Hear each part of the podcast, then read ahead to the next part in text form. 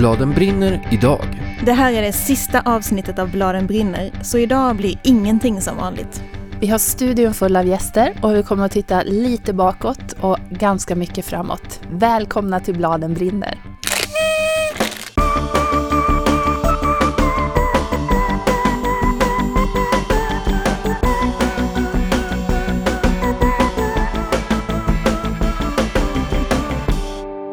Nu har vi sänt Bladen brinner i två år och på den tiden så har vi gjort 67 intervjuer. Vi har pratat om 510 olika böcker och producerat 1247 minuter podd. Det är ganska mycket. Mm. Idag är det dags för sista avsnittet. Så därför har vi bjudit in då ett gäng gäster. De står här allihop och det är Lotta Lysarides som är förläggare och redaktionschef på Alfabeta. Hej svejs! Hej! Det är Åsa Anderberg Strollo som är författare och du har skrivit bland annat Bryta om, Hoppas och Bruno 3000. Ja, hej! Hej! Erik Titusson, förläggare och förlagschef på Lilla Piratförlaget. Det stämmer, hej hej! Hej! Och sen har vi Eva Dahlin, litterär chef och förläggare på Bonnier Karlsen. Ja, hej! Och så är det Mårten Sandén som är författare till bland annat Petrinedeckarna, En stackars liten haj och sen min och Lisas gråtfavorit Anna Dark och Ett hus utan speglar. Hejsan! Och sen är ju vi själva här också. Jag heter Lisa Bjärbo. Och jag heter Johanna Lindbäck.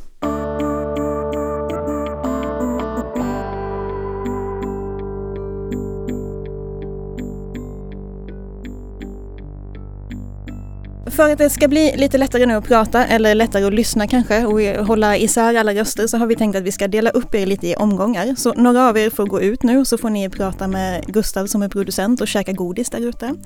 Eh, och så har vi kvar några stycken här inne och då vill vi att eh, Lotta och Åsa stannar kvar först så kan Mårten och Erik och Eva gå ut och käka godis så länge. Elimination. Här champagnen som står på kylen, är bara... Ja, det är bara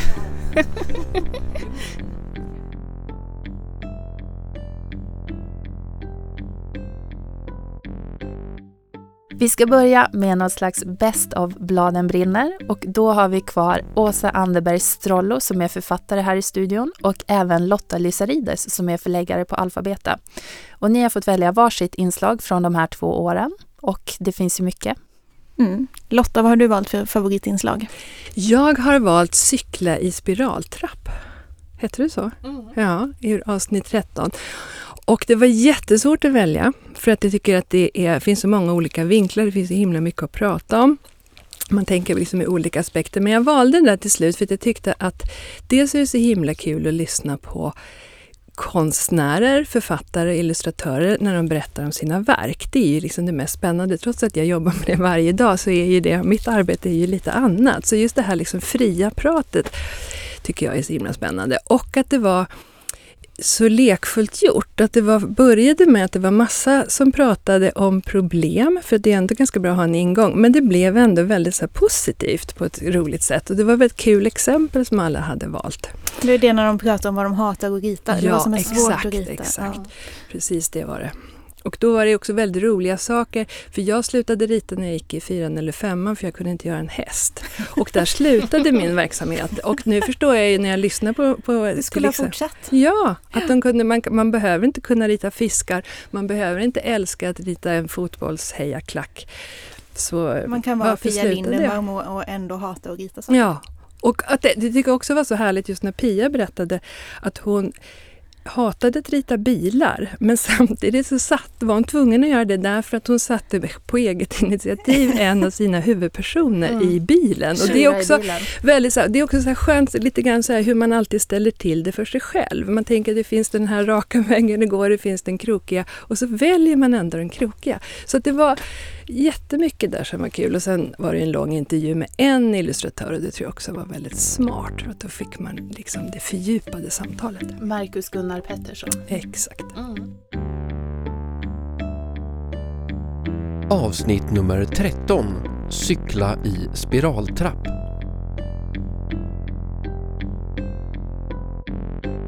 Fiskar är inget kul. Det märker jag själv att jag drar mig för. Cyklar inte heller roliga. Jag orkar inte rita eh, elvamannalag som springer omkring på en stor gräsyta vars enda bakgrund är publikhav. Det går inte att göra bra liksom. Ja, tidigare hade jag ju sagt människor då. Så att, eh, får jag välja bort alla människor? Nej, det kanske... Gatsopningsmaskiner. Om någon undrar varför Hjördis aldrig cyklar i de här böckerna ska jag förklara det ganska enkelt. Det är skitsvårt att rita cyklar tycker jag. Hon går heller aldrig några spiraltrappor, det kan ni också fundera på vad det beror på. Att rita cyklar, men det är säkert flera som har sagt va? Hästar är jättesvårt. Hästar som cyklar ner för en spiraltrapp. Åsa då, vad har du valt? Jag har ju fastnat, alltså jag tyckte också att det var jättesvårt att välja och eh, ja, eh, men den intervju som jag har lyssnat på flera gånger, flest gånger, det är ju intervjun med Ulf Stark. Jag vet inte vilket avsnitt Nej, det var. Men det men... kommer Gustav att läsa in så här snyggt. vad härligt. Alltså det är så fint när man själv är en skrivande person och lyssnar på någon som har kommit så mycket längre. Um, och hans reflektioner kring skrivandet. Och, och en sak... Alltså, och det här kanske säger mer, mer om mig än om Ulf Stark, men han sa så här Många skriver ju inte böcker hela livet. Mm. Och för mig var det lite av en tröst just där och då. För det var så här, åh, jag kanske inte måste göra det här. För det var lite jobbigt. Mm. Det, så det var så här, uh, jag kanske inte, jag kan göra något annat. Ulf Berg säger att jag inte behöver skriva böcker hela livet. Ja, mm. och, och för då, då föddes lusten. För då kom det så här, okej okay, men då, jag ska bara skriva den här också. Mm. Sådär, att det liksom, det, det fanns en frihet i det han sa, hans reflektion och hans eh, ja, men skrivlust. Avsnitt nummer 12 Cocktailböcker med Ulf Stark. Jag tycker egentligen att det har blivit lättare med åren att hitta nu, nu att, alltså att fortsätta att skriva. Jag tyckte det var jätteproblem i början. Alltså jag tror att kanske tre böcker kan vara ganska enkelt att göra. Tre, fyra kanske. Och sen tror jag att man har en slags kris. Eh, man tycker man har betat av allt vad man kan skriva om i de tre första böckerna. Om man tittar på författare så är ju ofta den första boken innehåller ju liksom nästan allt som de sen har skrivit. Johanna och jag har ju också försökt att välja ett eh, inslag som vi själva har gillat extra mycket. Eh, och jag har faktiskt valt ett inslag i samma avsnitt som Ulf Stark, men jag valde det som handlar om hästböcker då. Mm. Och det är intervjuer med Malin Eriksson och Katja Timgren. Mm.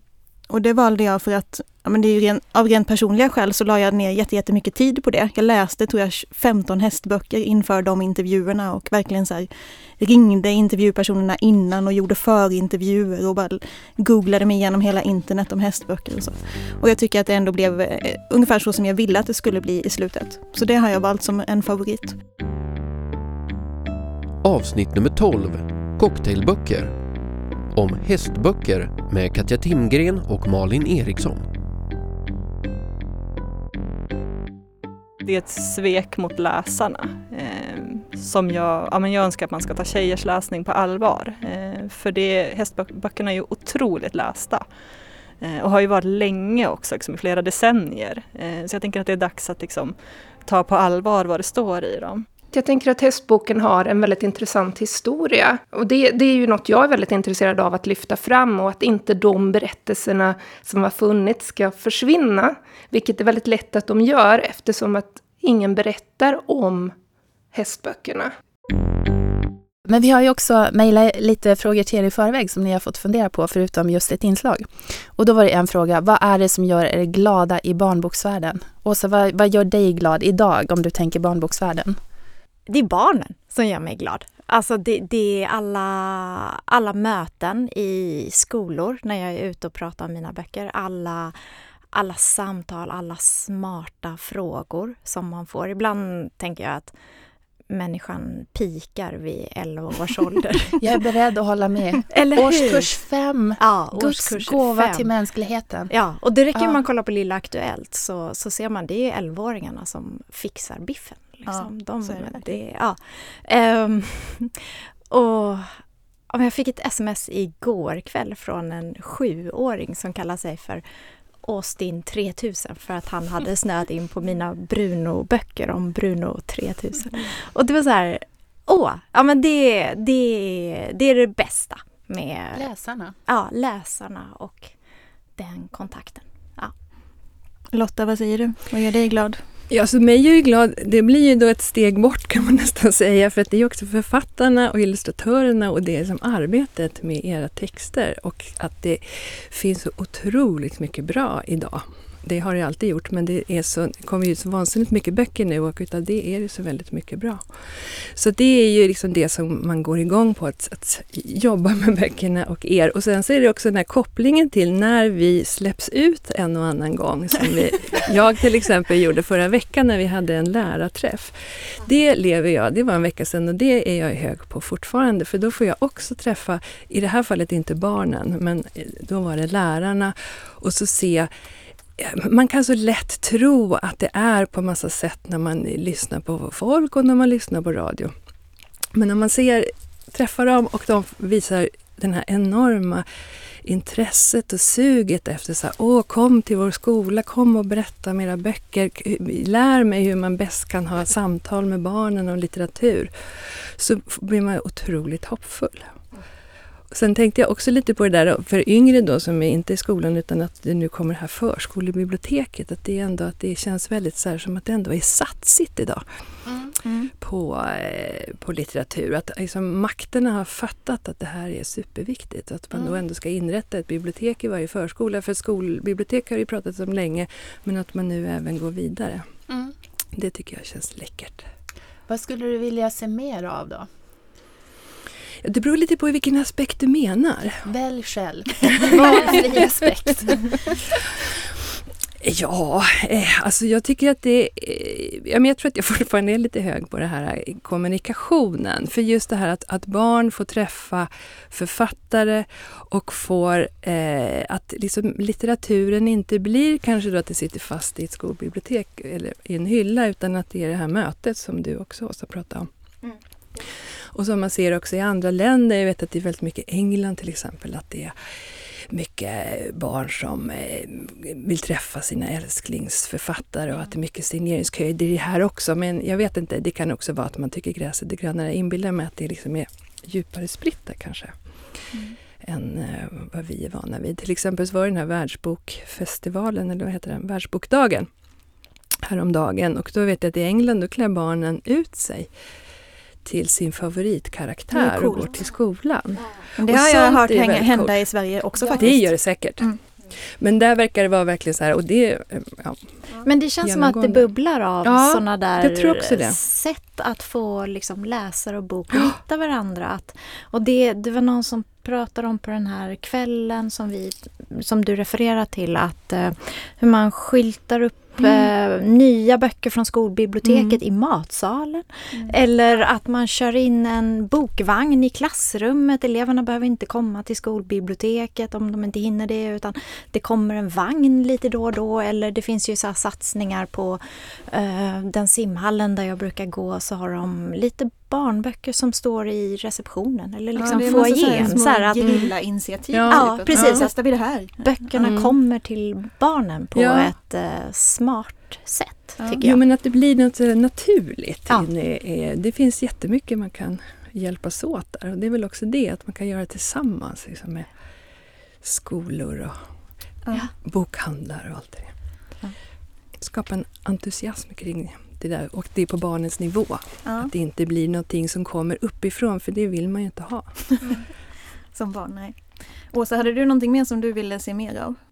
Jag tänker att med... Jag ser en stor läsglädje på låg och mellanstadiet men att den dalar lite på högstadiet och gymnasiet. Jag tänker att det är naturligt för att man kanske har väldigt mycket andra böcker att läsa och sådär men att man då med tonåringar eh, skulle kunna jobba mer på kopplingar mellan bok och rörlig bild till exempel. Att man Mm. kopplar ihop det, att man liksom för att många tonåringar gillar att kolla på tv-serier och böcker och, och eller tv-serier och filmer och, och då kan man koppla det till källan för ofta finns det en bra bok bakom. Alltså det skulle man kunna göra supermycket mer. Ehm, ja, tänker jag. Och, och kanske få upp läsglädjen i bland tonåringar. Mm.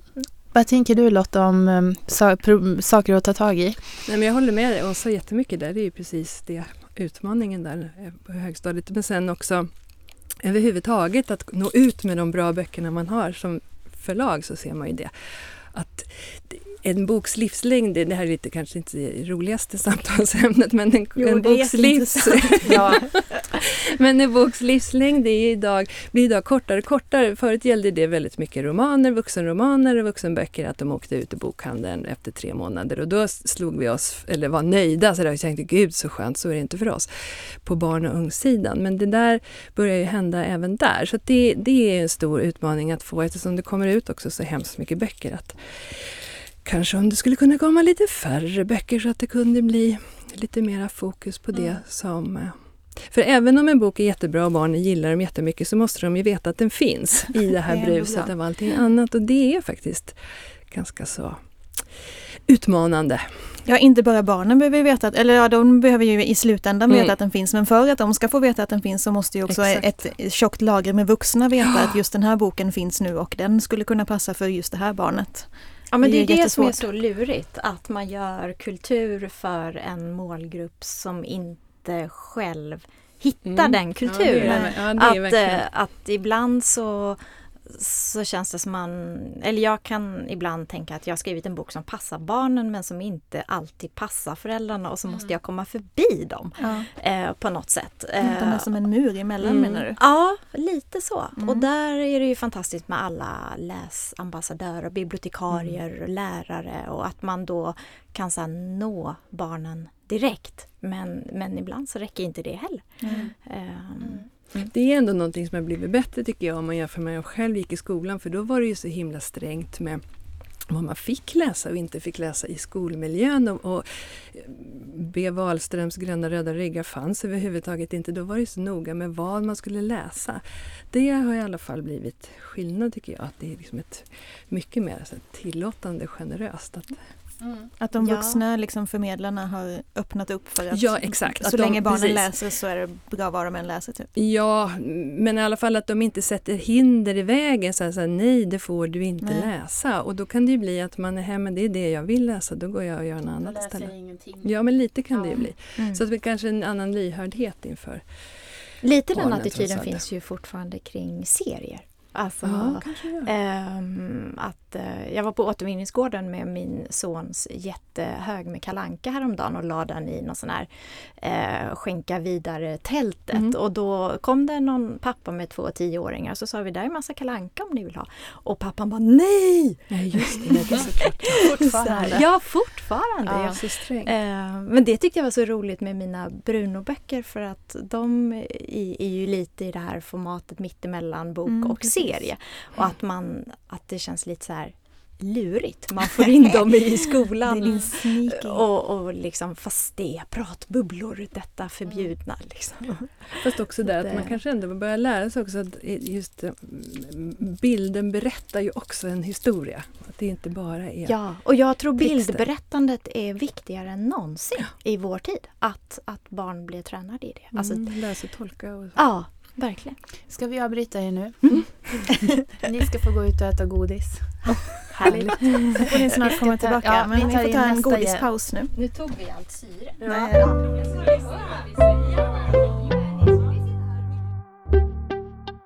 Vi bytt gäng här i studion och nu har vi här inne Eva Dalin från Bonnier Carlsen, Mårten Sandén, författare, och Erik Titusson från Lilla Pirat. Och då ska vi också börja med era favoritinslag från de här två åren med Bladen brinner.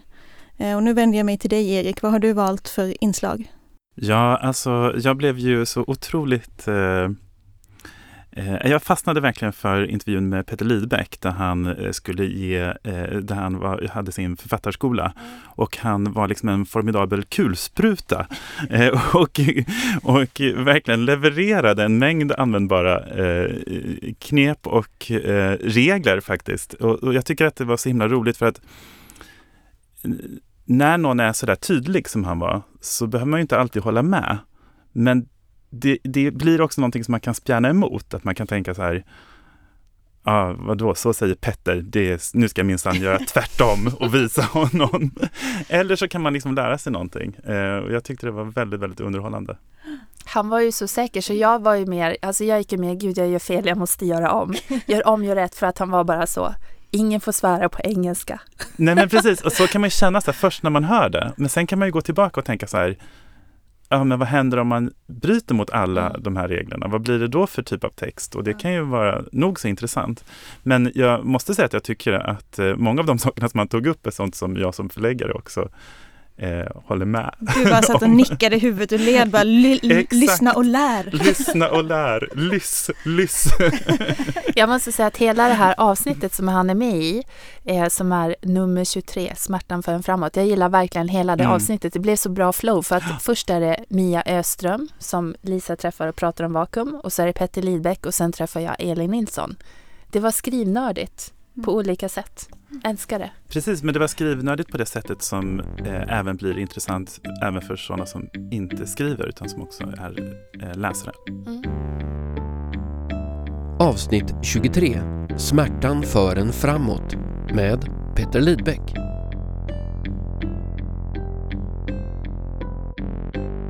Sen hade jag en lärare som alltid sa att hälften så långt var dubbelt så bra. Istället för de här lärarna som alltid säger att de ska känna efter hur det smakar och luktar och så vidare. Och, och det, väder och kläder och allt sånt där, det är ofta ganska ointressant. För det, det enda som man egentligen aldrig hoppar över det är ju dialoger och vad folk gör, alltså rena beskrivningar. Men, men hur folk ser ut och sånt där, det gör man ju sig själv en starkare bild av ju mindre man, ju mindre man utvecklar, tycker jag. Jag vet inte.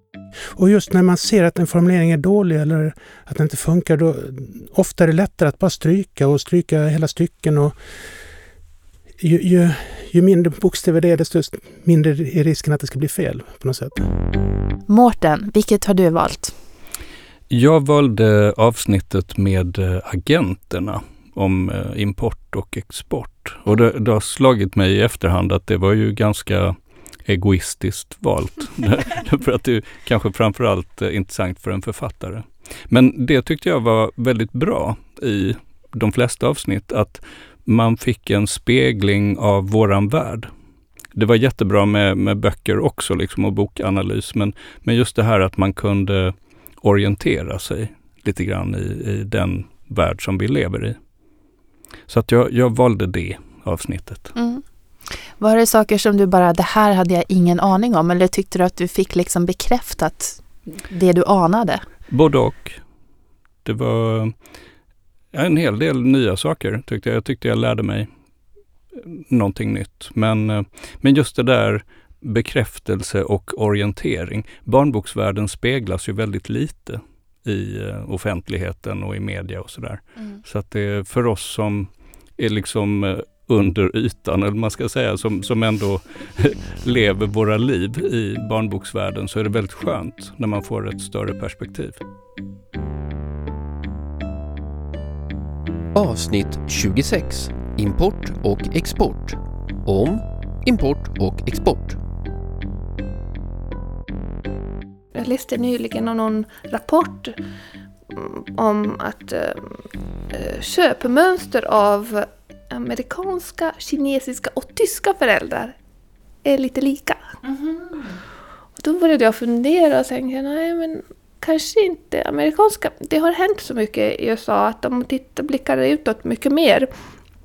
Eh, det är inte lika svårt att sälja um, lite mer um, konstnärliga nischade bilderböcker numera. Medan Tyskland, det är fortfarande ganska konservativt. Eva då, vad har du valt för inslag? Mm. Eh, ja, men det var en väldigt rolig övning att eh, välja, ett. Eh, välja, ett. Jag satt också och jag fastnade också som Erik för Petters inslag väldigt mycket och hans förtroende för läsaren och sådär. Eh, men sen så när jag var tvungen att välja ett avsnitt så valde jag faktiskt ett ganska tidigt avsnitt, tror att det var nummer åtta, eh, med Sara Shepard. Eh, och det var för att jag tyckte det var så otroligt befriande med hennes liksom, totala engagemang, glädje, lust, passion till det hon skriver. Eh, och jag tänker att det är verkligen så som alla böcker som skrivs skulle behöva eh, bli behandlade av sin författare eller illustratör. Eh, så det var mitt val. Ja, hon är ju så sjukt rolig för hon bara nördar ju in på så här småsaker som kaniners bajs och sånt pratade vi mycket om, kommer jag ihåg. Att det är så här, liksom, ja men det är sådana oväntade ämnen som hon kan en miljard grejer om. Ja, så man bara och- förstår att hon har läst på i hundra år. Precis, och, den här, och även processen liksom att gå in i någonting i jättefaktamaterial och sen liksom gräva sig neråt och liksom hitta essensen och, och hitta sin glädje och sin nyfikenhet som inte är en annan än läsarens. Mm. Och det är också det där med eh, Ja, men också som Petter pratade om med förtroende för läsaren att eh, det behöver inte vara en skillnad där, så här, när författaren får frågan eller illustratören, vem skriver du för? Och, sådär, och att koppla ihop det med sin egen eh, liksom, process. Eh, för den behöver inte vara, det behöver inte vara två olika saker. Utan att det som är viktigt och engagerat, eller engagerar mig eh, tror jag också är viktigt och engagerar den som ska läsa. Avsnitt nummer åtta. Öppna upp världen. Med Sara Shepard. Och sen just den här jakten efter den här lite konstiga historien eller när man hittar lite så här udda fakta som, som man vet kommer göra att det blir roligare också. För att om man bara pratar om längd på klor eller hur de gamla de blir, då blir det inte så himla kul. Men som när jag insåg, läste i något alltså supertråkig bok om skogsharar som var, de fick hämta i något så här, du vet så här, i arkivet på biblioteket. Och läste igenom det här astråkigt. Och sen så bara, jaha, nej men de äter ju upp sitt eget bajs, harar. Och det vet kanske alla som har kaniner, men jag visste inte det. Jag bara, men gud vad roligt. Ja.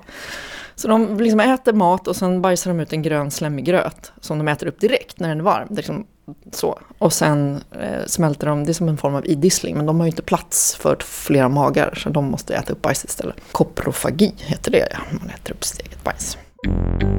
Nu ska ni få samma frågor som de andra och då börjar vi med Mårten den här gången. Vad, vad gör dig glad i barn och ungdomsboksvärlden just nu? Ja, det är nog samma sak som alltid har gjort mig glad med den, att det kommer nya förmågor hela tiden. Det finns många unga talanger som, som jag tror kan bli hur bra som helst. Och att det finns ett väldigt liv i barnboksutgivningen. Och att många människor faktiskt drömmer om det, att skriva böcker för barn. Eller illustrera och, och skriva.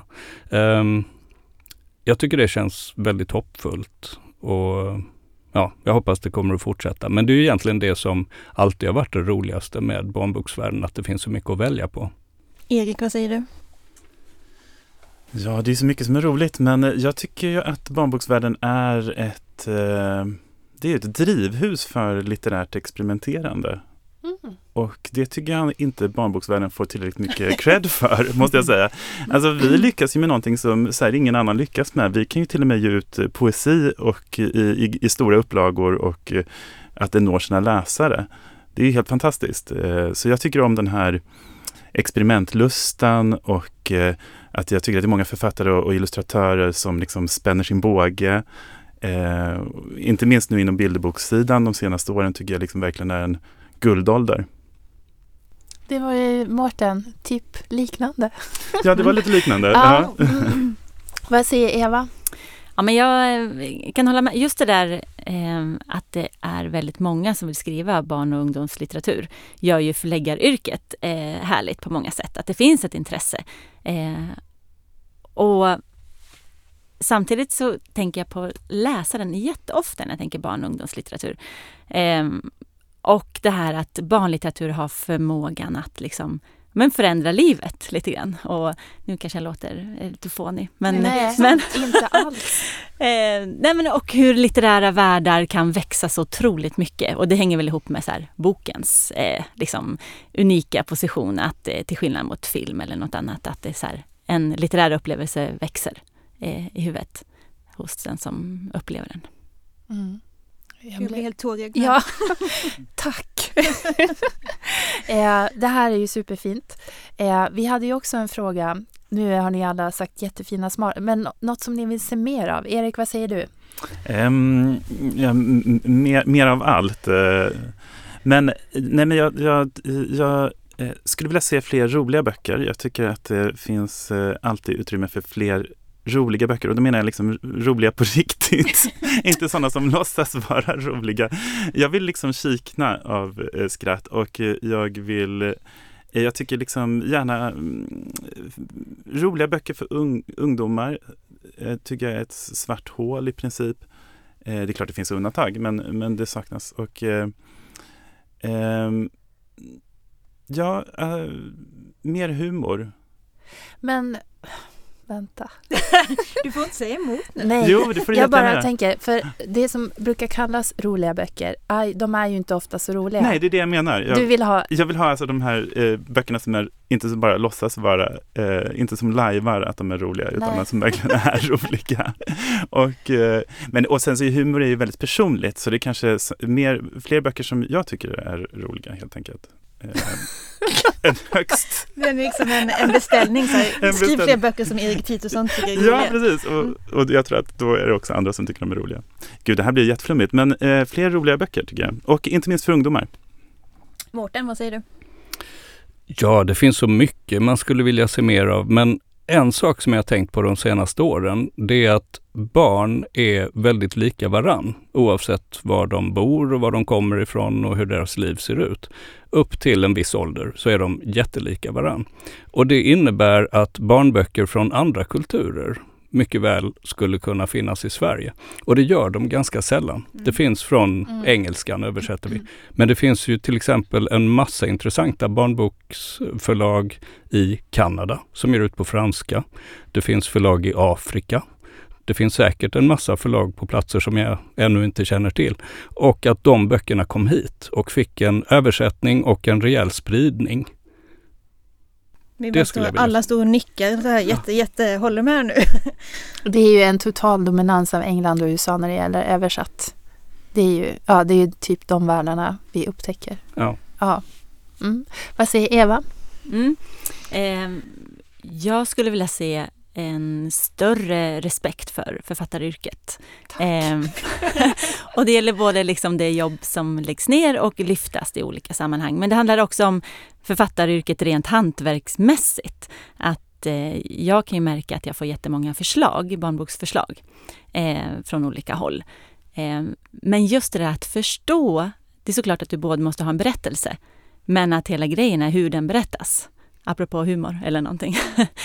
eh, att det är, det, liksom, det är ett yrke, ett hantverk. Det är eh, ett skitsvårt hantverk. Eh, och att jag skulle vilja att det liksom belyses mer. Menar du nu sådana här, åh jag har en idé, kan inte någon skriva det här? Är det sådana? Jo men ja. det är ju så som många säger, en idé kan alla ha, men, men liksom om man kan få en rolig situation i huvudet, men hur berättar jag den? Så att den eh, upplevs och gestaltas på ett eh, spännande sätt. Mm. Eh, och just förståelsen för det, hur lång tid det tar att skriva. Och, och liksom uthålligheten. Du måste vara en personlighet som är kreativ och fantasifull, knasig, knäpp, liksom idérik. Och sen ska du ha uthållighet att sitta timmar, timmar, timmar och peta, peta, peta. Eh, ja, det är jag imponerad av. Vi nickar. Vi nickar i Så samförstånd. någon typ av respekt och vördnad för hantverket. Vördnad var ett fint ord.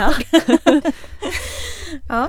Eh, sen är ju nästa fråga, den går ju in lite i det här, men vad finns det att ta tag i? Vad, finns, vad kan ni se för liksom, ja, men problemområden eller saker som att det här behöver vi jobba lite mer med?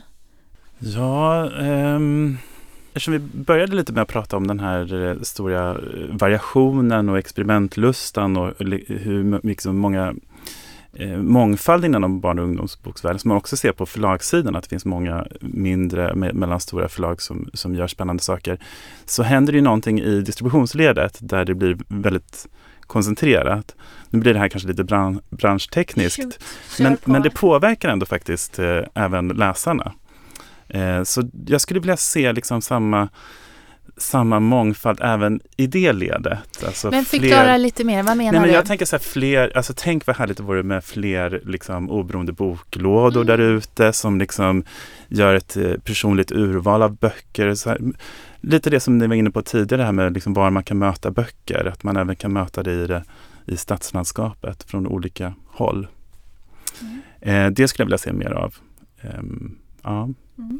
Det här går som stick i stäv mot utvecklingen med att bokhandlar läggs det. ner och ja. Ja, men det kan man ju ta tag i på, alltså på olika sätt. Eh, det finns ju även, eh, jag menar om man hade haft en eh, fast prissättning så hade ju landskapet sett helt annorlunda ut till exempel. Om vi hade varit i Norge. Om vi hade varit i Norge så, så hade, hade, Det är mitt och Lisas faktiskt- drömland. Ja, men det är ju, alltså, så här, vi måste ju ändå tänka att eh, det är ändå val vi någon gång har gjort och som vi kan välja igen. Mm. Vad säger Mårten? Ja, ehm, jag, jag har tänkt på någonting som jag tror sammanfaller lite med det som Eva nyss sa. Eh, just det här att saker måste få ta tid och det måste ha kvalitet. Därför att det blir bara lättare och lättare att få ut, inte att få ut en bok, men att producera en bok själv. Eh, tekniken på något sätt snabbar upp processen och även distributionen snabbas upp, eh, framförallt med, med ljudböcker.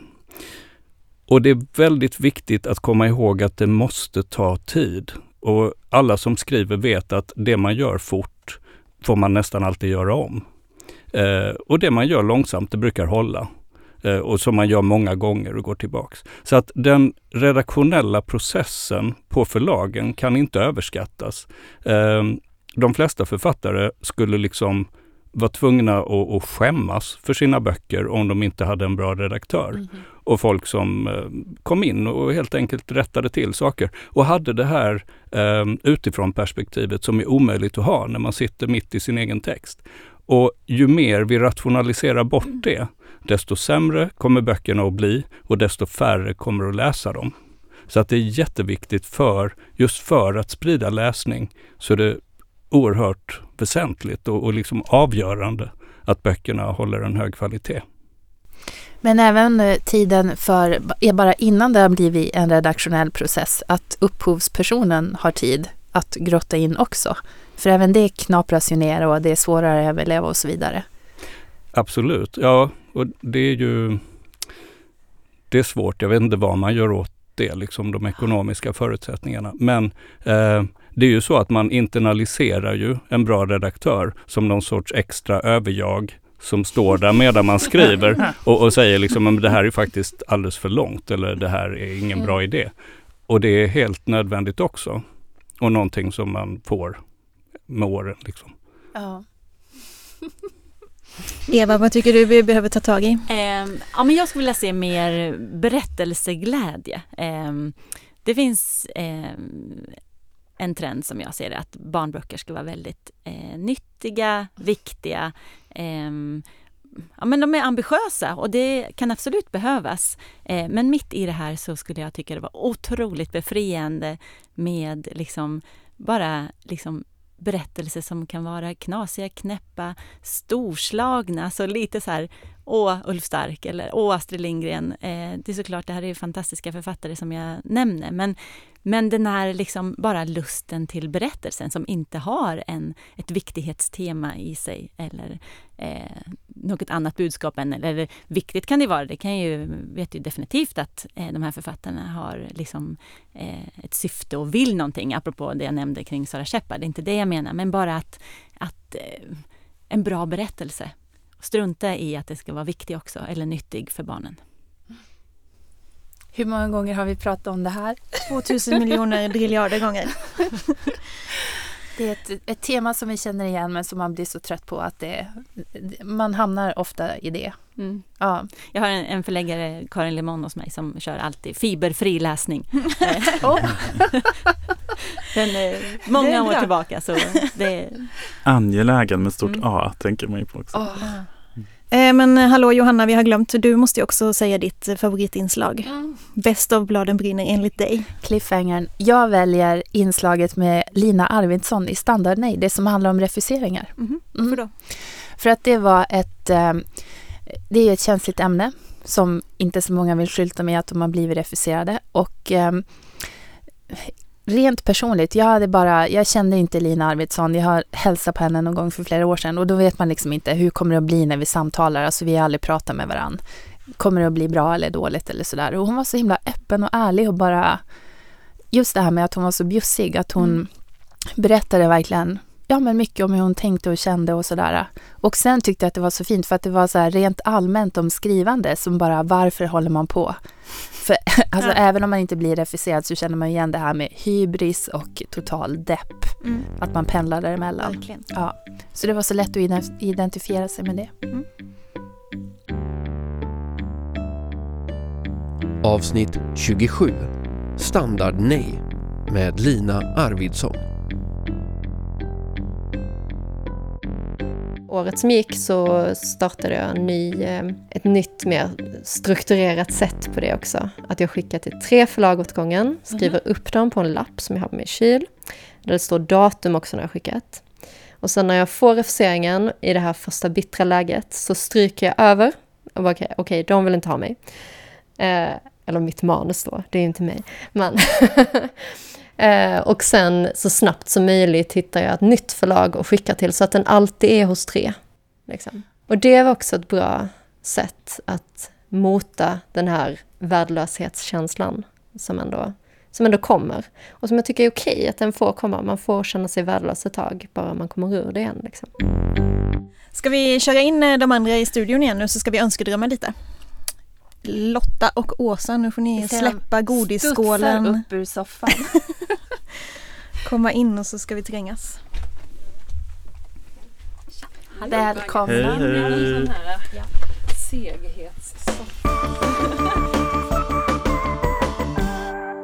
Vi har kommit till det här eh, kanske roliga och svåra momentet med önskedrömmar. För ni har liksom fått en stor fråga, utopiskt. Nu behöver ni inte tänka på ekonomi och allt det där man behöver tänka på i vanliga fall, utan nu kan man bara, man kan köra på som en galning.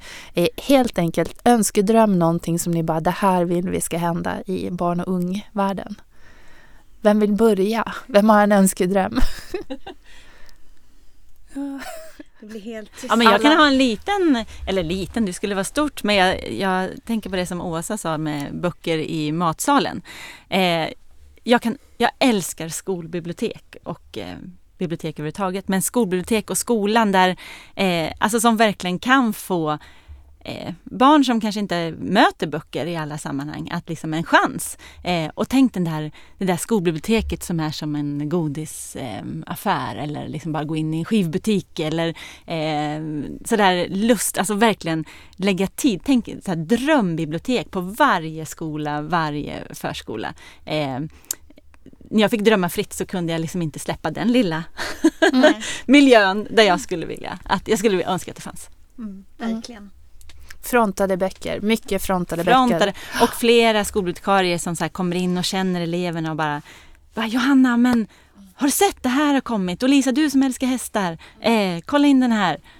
Det ja. där är jätteintressant. Alltså, för jag har pratat med barn mycket, när jag, för jag har skrivit två böcker, en eh, som är lite så övernaturliga, läskiga och den ena eh, Varm vinter utspelar sig på en skola och då har jag frågat barn så här, var är det läskigt i skolan? Och då har de sagt så här, omklädningsrummen kan vara läskiga eller eh, träslöjdsalen.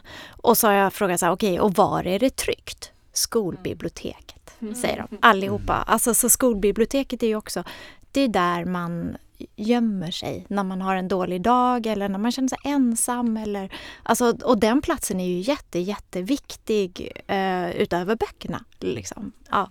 Så att jag håller med dig Eva, mer, mer skolbibliotek. Ja, och jag, jag tänker där att eh, alla, eh, dagens föräldrar de är ju liksom, har ju aldrig varit bättre, föräldrarna har aldrig varit bättre på att ställa krav. Eh, Ehm, på skolor. Men just skolbiblioteket verkar vara liksom ett outforskat område för de här föräldrarna för att en tredjedel av skolorna saknar tillgång till skolbibliotek. Så en önskedröm skulle kunna vara att alla föräldrar som lyssnar på det här går till sin skola imorgon och liksom bara ställer de här kraven. Men är inte det lag på det nu? Det är lag på det. Men den lagen kan tolkas på ja, olika sätt. Det är liksom det här, vad är ett skolbibliotek? Är det en skrubb? Ja, bockat, då har vi Vi skolbibliotek. har en hylla med böcker. Ja, men det är därför det här föräldraruppropet behövs Ja. tror jag. Det-. Men jag vill ut på gatorna. Att vad jag ska du göra där? lite grann. Det låter- jag, det som ni märker att jag alltid vill ut på gatan.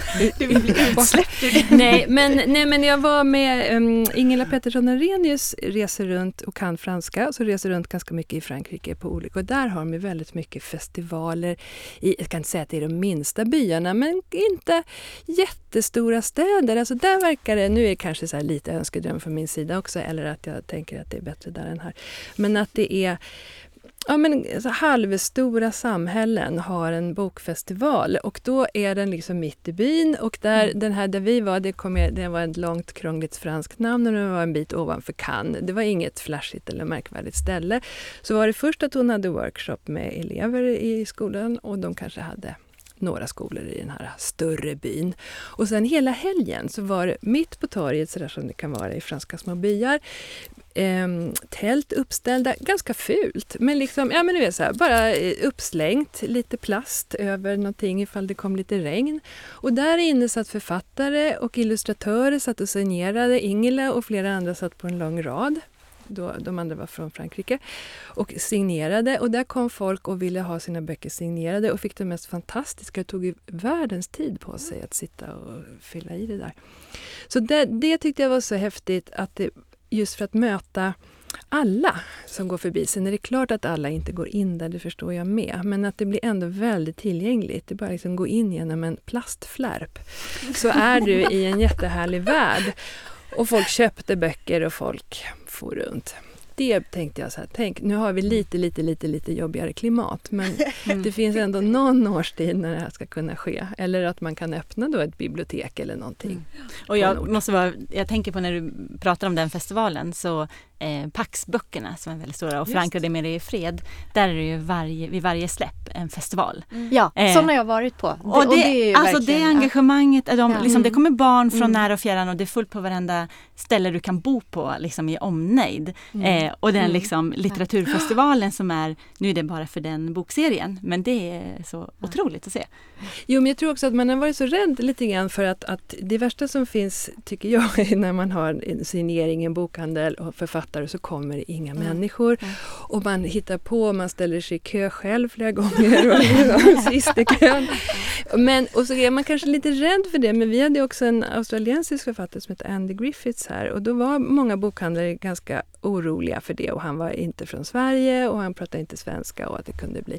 Sen så var det på Luma och Akademibokhandeln, nej inte Luma, eh, jo Luma i Sickla gjorde det tillsammans. Och det kom ju hur mycket folk som helst. Och då var det precis den här känslan. Och både föräldrar och barn och föräldrar kom fram och tackade honom för att deras barn hade börjat läsa. Och jag menar allt det här som, man, som händer när ni är ute men som eh, folk verkligen gillar.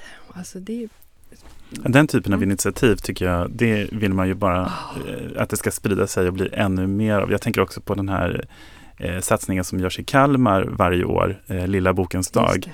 Då det är liksom 800 eh, kids i en sal och så kommer fyra författare och berättar om, om sina böcker som då barnen faktiskt också har läst eftersom det är ett samarbete med Rotary. Så böckerna har kommit ut i skolan. Så det tycker jag är liksom ett, också ett sånt jättefint Och det ger så mycket energi. Därför Mm. att just när man har varit med om något sånt där så, så blir man alla delar någonting.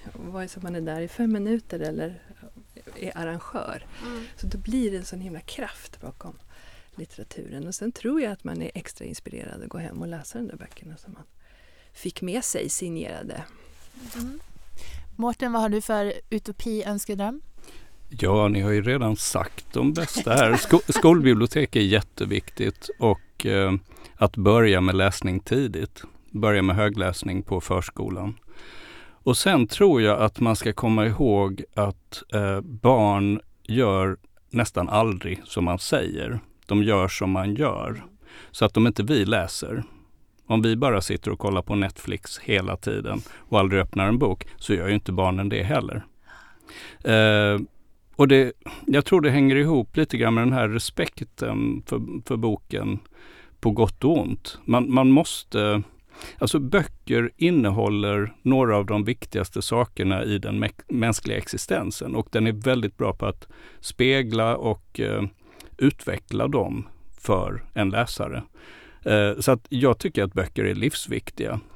Och jag tror att det är ganska farligt att vi läser så lite, att vuxna läser. Och kanske borde jag säga vuxna män. Ja, det mm. kanske du borde. Mm, ja, men kvinnor också för all del. Ja. det finns Netflix ni... även för oss. Ja. ja. Eh, och det är ytterligare det här med att det går så fort. Det är så lätt att ta till sig någonting som bara flimrar förbi på en, en skärm. Men det ger kanske inte så mycket egentligen. Som en bok, eller det ger inte så mycket som en bok. Mm. Det var lite det min tanke också, det här med att komma ut i byn. Att just kunna, att litteraturen blir så naturlig då. Att man vuxna, föräldrar och barn eller vem det nu är som är med barnet går in tillsammans och att det inte är något konstigt. Så på så sätt blir det också lite avdramatiserat. Det inte är något märkvärdigt. Precis, den här respekten för boken som du pratar om den kan ju liksom slå tillbaka också. Att det är så mycket respekt för boken som, som den här fantastiska produkten som ska ändra människors liv och leverne att man nästan inte vågar närma sig den om man inte är en bokvan mm. människa till exempel. Ja, och jag tror det är kanske det som har hänt. Jag tror att det är resultatet av det vi ser. Men eh, om, man, om man använder böcker hela tiden, om man läser böcker hela tiden så får man ju ett annat förhållande till dem. Då blir de ju en del av ens personliga utveckling helt enkelt. Och det är ju väldigt populärt med personlig utveckling. så minst sagt, det borde ju det funka. Det kanske är lite en long shot. Men också vi får ett annat förhållande till varandra tänker jag. För att alltså man får inte, man tänker så här högläsa för barn men sen är det ju många föräldrar som slutar läsa samma böcker som sina barn läser. Och jag kom att tänka på det häromdagen för vi hade, min son hade en kompis på, på middag som vi inte känner så väl. Eh, och, och, så blev det lite så trevande samtal, ha, hur går det i skolan? Alltså så här, vi visste inte riktigt vad vi skulle prata om. Och så upptäckte vi att han vår dotter som är några år äldre och jag hade precis läst eh, Norra latin. Mm. Och så började vi diskutera den här boken väldigt liksom häftigt och hur var det egentligen den slutade och de här olika berättarperspektiven. Och, och så fick vi en ingång till att lära känna den här middagsgästen på ett liksom ett sätt. Alltså, och, och det kan jag tänka också som förälder om man har barn i 12, 13, 14 års åldern när de börjar så bli lite hemliga och man bara, vad ska jag prata om? Och så här, Åh, jag vill prata om allt viktigt. Så här. Eh, läs en bok tillsammans och prata om den. Liksom. Eller om ni får det här veckobrevet och, och aha, nu ska vi ha författarbesök. Ja, men passa på och, och dra dit själv och, och sitta i ett hörn och lyssna också. Liksom. Eh, kan ju vara jätteinspirerande. Herregud vilken överraskning. Tänk om man har ett sitter där och föräldrar där. Jag var så sugen på att höra om den här boken. Vad tycker ni om det? Alltså, det, jag skulle vara helt mind-blown. Det skulle vara helt otroligt. Ja men kul, eller hur? Ja! Ja! ja. ja. Jag har verkligen tänkt på det här som du säger, så här, alla tonårsföräldrar som skulle kunna närma sig allt det där jobbiga som de inte ja. vågar prata om med sina barn genom en bok. Att man typ hade velat ha en stämpel på boken så här, till alla tonårsföräldrar som vill prata om psykisk ohälsa, stress bland unga tjejer eller liksom vad det nu än kan vara eller ja, mycket mindre allvarliga ämnen än så också. Ja, det finns, det är ju världens... Eller skratta ihop. Ja, precis. Som du var inne på Erik med humor. Liksom. Ja. Man upptäcker ju, alltså det är från båda sidor. Jag kommer ihåg när jag var, när jag var tonåring så kom vi i familjen på, det här låter ju jättenördigt, men då kom vi på att vi skulle ha liksom en bokklubb bara i familjen. Mm. Och så, alltså, gud det låter ju underbart. Ja, det, mm. alltså, ja. Så, riktigt så härlig uppväxt har jag inte haft som det låter. Men just det var härligt. Men nu skulle det vara utopiskt. Ja, men precis. Men det var himla fint och då läste vi Curtis Sittenfeld. Eh, prep. Och Prep läste vi. Oh. Och, eh, Hanna bara, får jag bli adopterad? Nej men alltså det var så, jag fick ju se liksom en sida av min pappa som jag aldrig någonsin hade sett. Mm. Och ah. så här, möt, alltså, jag tänker fortfarande jätteofta på det. Hur han hade läst den där och funderat kring det. Och, äh, det var jätte, så det är, liksom, det är kul för föräldrarna men det är minst lika roligt för den där eh, blyga tonåringen. Ja, ja men verkligen. Gud vad härligt. Är det någon som har kvar någon utopi? Eller bara som har kommit på något mer? Ja, men jag skulle jättegärna vilja se en, en eh, jag brukar åka på sådana här illustratörsfestivaler runt om i världen och då menar jag inte riktigt, inte den här franska, även om den här franska byn låter ju helt fantastisk också. Ja, Men, men den är, den är liksom populär på ett annat sätt. Precis, jag tänker mer så här för illustratörer, av illustratörer och fans eh, till, för, eh, alltså sådana som verkligen älskar illustration. Och det brukar vara så otroligt häftigt. Och jag har liksom inte varit, jag har inte sett någon sån i, Sverige egentligen. Eh, och nu när vi då har den här guldåldern eh, inom bilderboksvärlden så tycker jag verkligen att det är läge. Så det skulle jag verkligen vilja eh, vara en del av. Eller se hända. Ja. Den, är inte kanske, den kan gå att arrangera. också. Men vi, vi, vi kan väl bestämma det? Ja. Bra. En internationell illustratörsfestival i Stockholm 2019. Mm. Välkomna!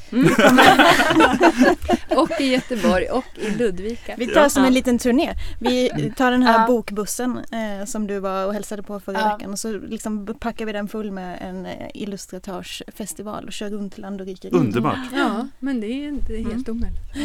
Jag tycker vi avslutar där och så tar vi upp de här partytutorna och så säger vi tack så jättemycket för att ni kom hit och så blåser vi i tutorna. Blås dem lite ditåt.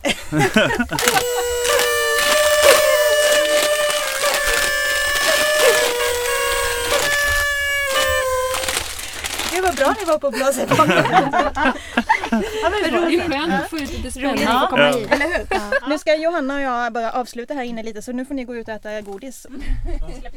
Ja, det vore väl härligt. Gud, det är jättevarmt här inne. Oh.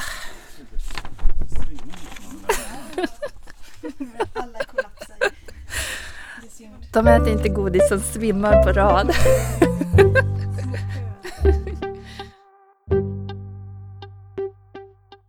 Det var det Johanna, hur känns det nu?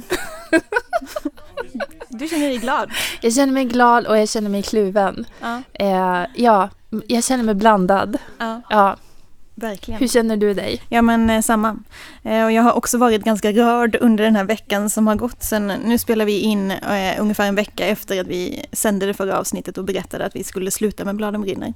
Och det som har hänt under den veckan är ju att folk har hört av sig ganska mycket och varit jättegenerösa med att berätta för oss vad Bladen brinner har eh, gjort för nytta för dem. Och då har jag blivit dels jätteglad såklart men också ganska förvånad över att det är så många helt vanliga småbarnsföräldrar som har lyssnat på podden och liksom gått direkt till bibblan och lånat böckerna vi har pratat om. Och sagt så sjukt fina saker. Jag har ett citat här av en mamma som jag blev allra mest glad över och då, då sa hon så här.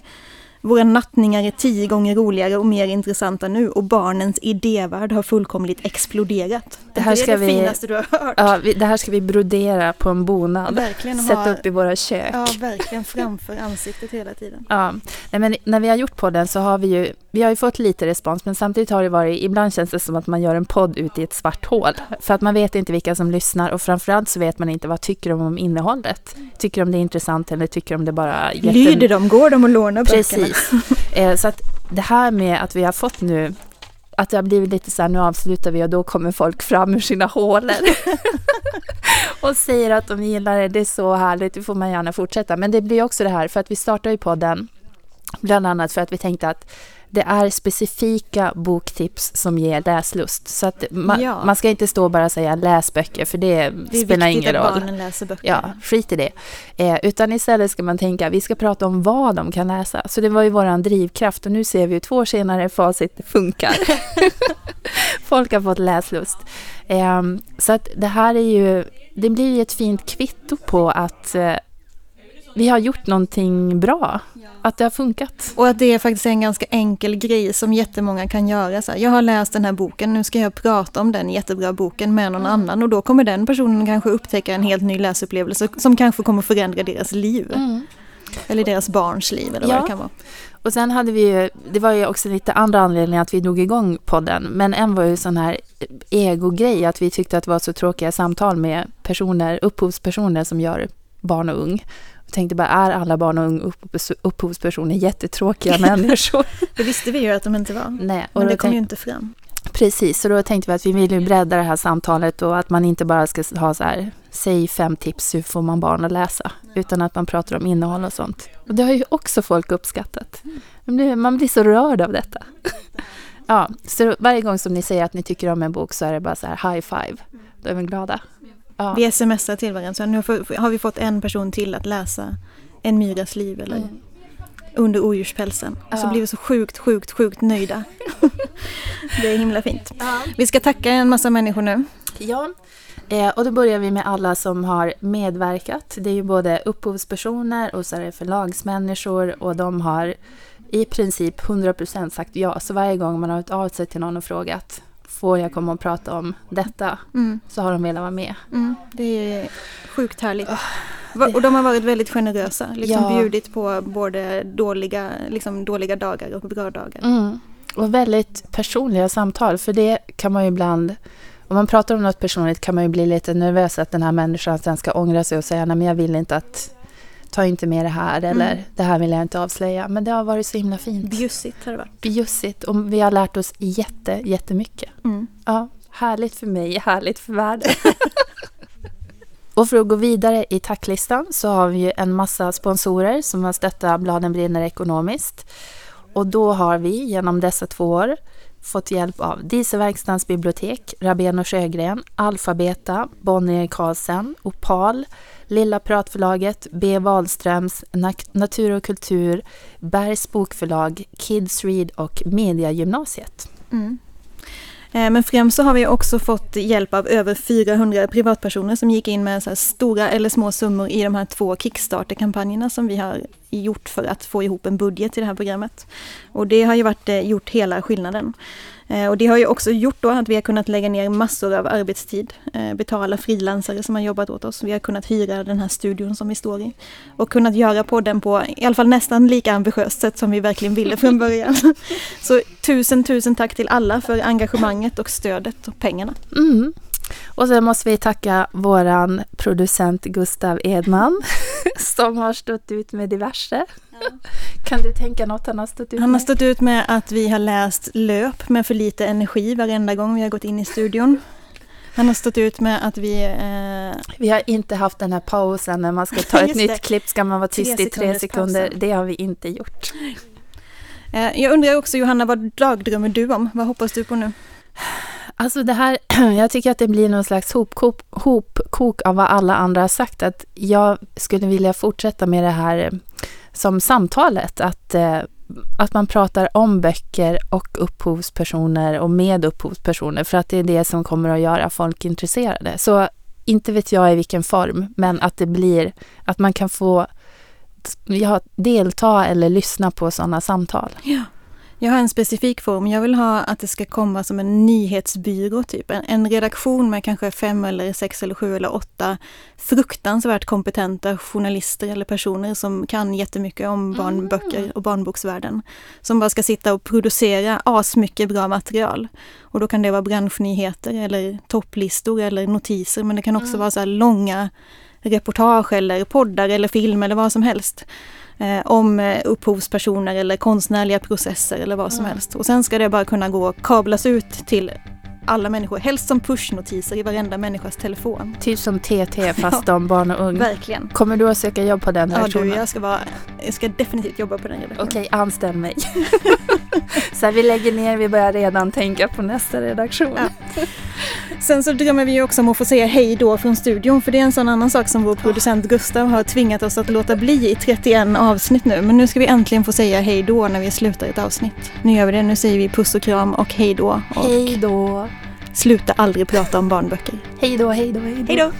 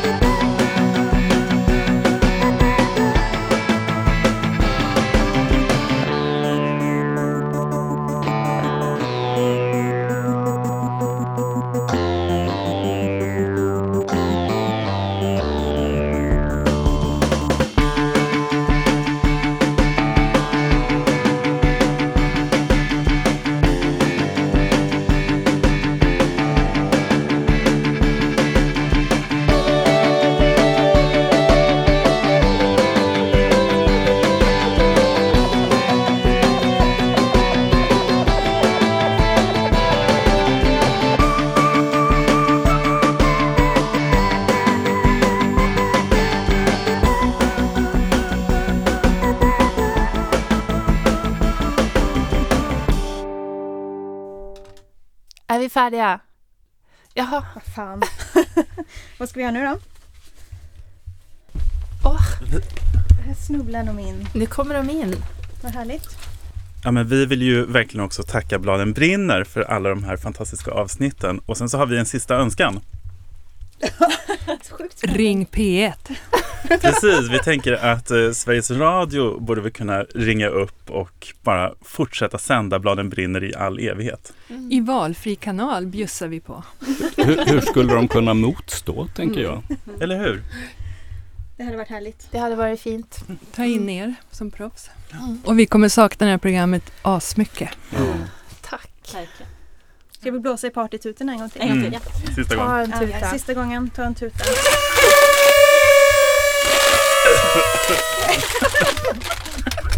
Med det sista syret som fanns. Tack. Tack, tack så mycket.